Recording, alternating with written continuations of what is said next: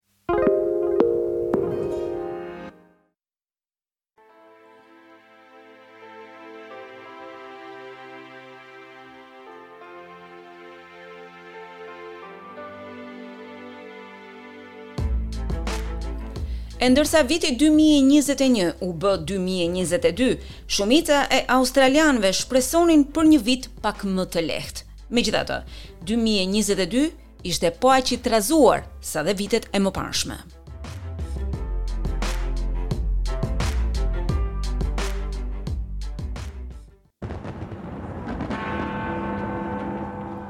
Në ditën e parë të vitit, fishekzjarret e vitit të ri në Sidni ishin shumë ndryshe në 2022-shin nga vitet e mëparshme.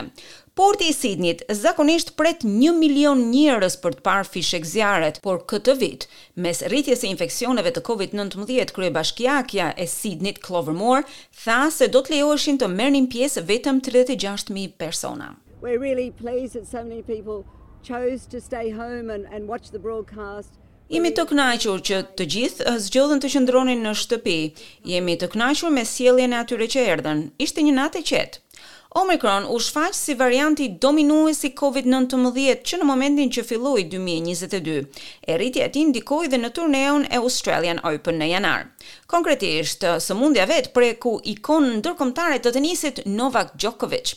Numri një i botës shpresonte të fitonte titullin e njëzet e një rekord të Grand Slam-it, ndërkohë që viza e tij u anullua dhe me të mbritur u transferua në Carlton's Park Hotel, ku edhe u mblodhën të gjithë përkrahësit e tij, si dhe përkrahësit e të gjithë refugjatëve për të komentuar rreth meritave të anullimit të vizës.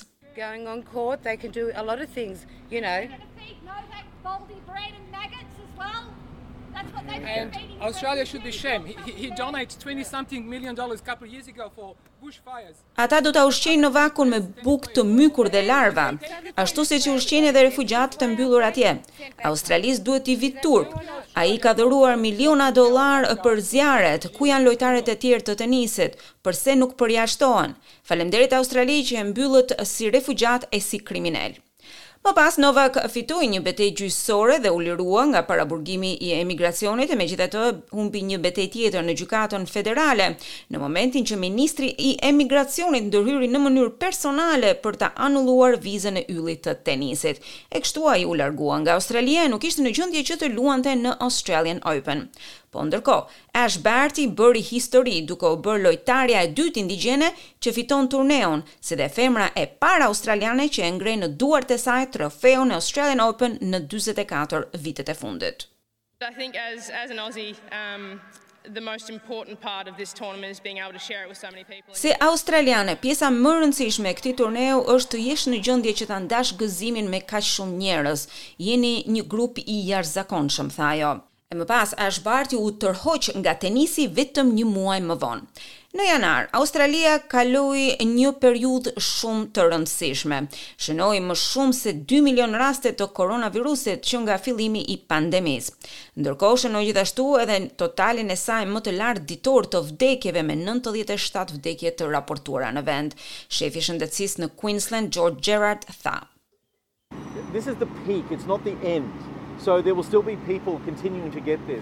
Ky është kulmi, por jo fundi i infeksioneve. Do të ketë njerëz që do të vazhdojnë të infektohen. Jemi vetëm në gjysmë të rrugës, nuk ka ardhur fundi, e ka shumë nevojë që të vaksinoheni. E një rekord i mirëpritur u vendos kur Dylan Alcott u bë australiani i vitit dy mijë e njëzet e dy. Hera e parë në historinë gjashtëdhjetë e dy vjeçare të çmimit, që një person me aftësi të kufizuara njihet në rang kombëtar.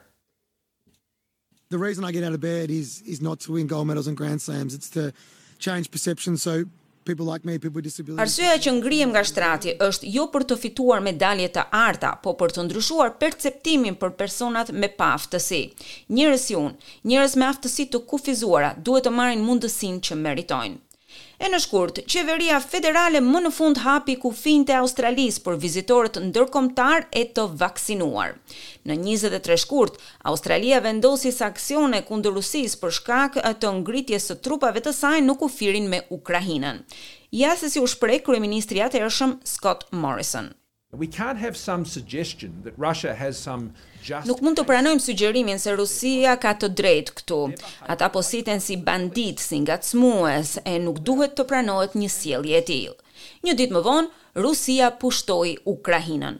Në mars, moti i egër në të gjithë Queensland dhe New South Wales shkaktoi përmbytje të rënda, bile dhe vdekjeprurëse.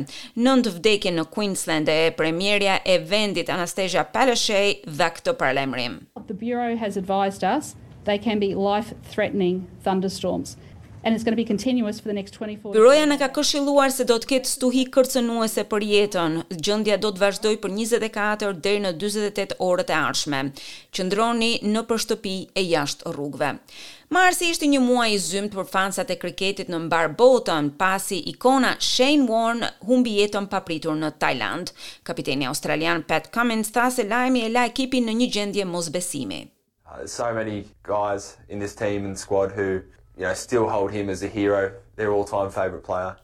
Ka shumë djem në këtë skuadër që ende e mbajnë si hero, lojtarin e tyre të preferuar të të gjitha kohërave.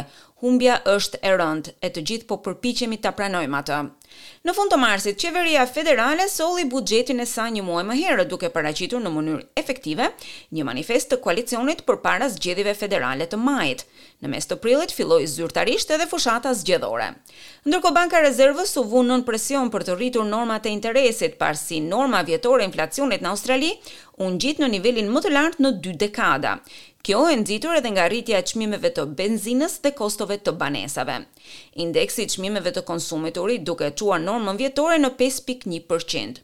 Në përpjekje për të ngadalësuar inflacionin, Banka e Rezervës rriti normat e interesit në njëzet e pesë pikë, rritja e parë e normave në njëmbëdhjetë vite. Në njëzet e një maj, Australia pati një qeveri të re dhe Anthony Albanese u bë kryeministri i tridhjetë e njëtë i Australisë.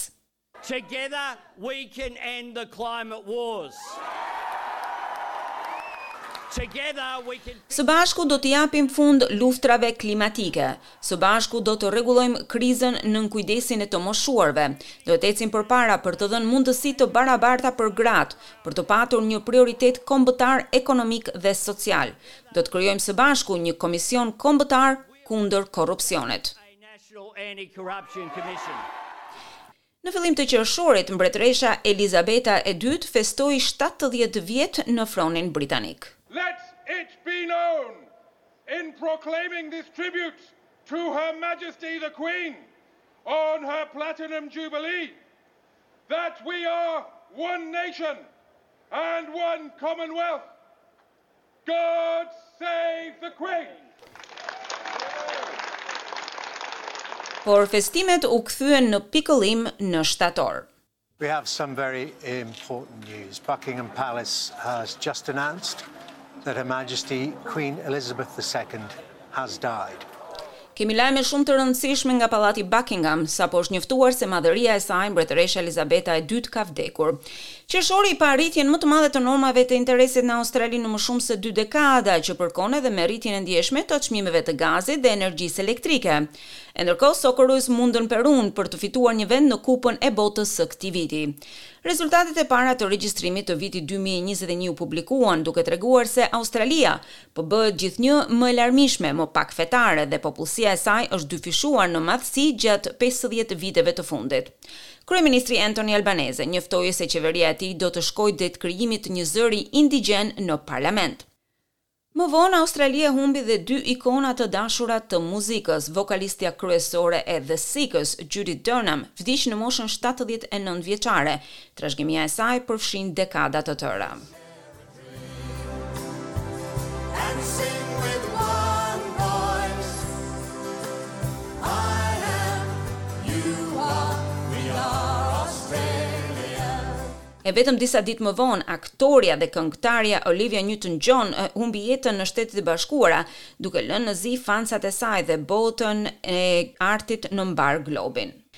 Tetori solli dhe dhënien fund të rregullave të izolimit për Covid nëntëmbëdhjetë, e ndërkohë me afrimin e pranverës pati përmbytje të mëdha në pjesën juglindore të vendit. Ndërkohë shkeljet e të dhënave personale ndër Medibank dhe Optus shkaktuan shqetësime të përhapura për sigurinë e klientëve në kompanitë australiane. Më pas fushata e Socceroos në World Cup filloi me një sfidë, katër gola nga një disfatë me Francën në Katar.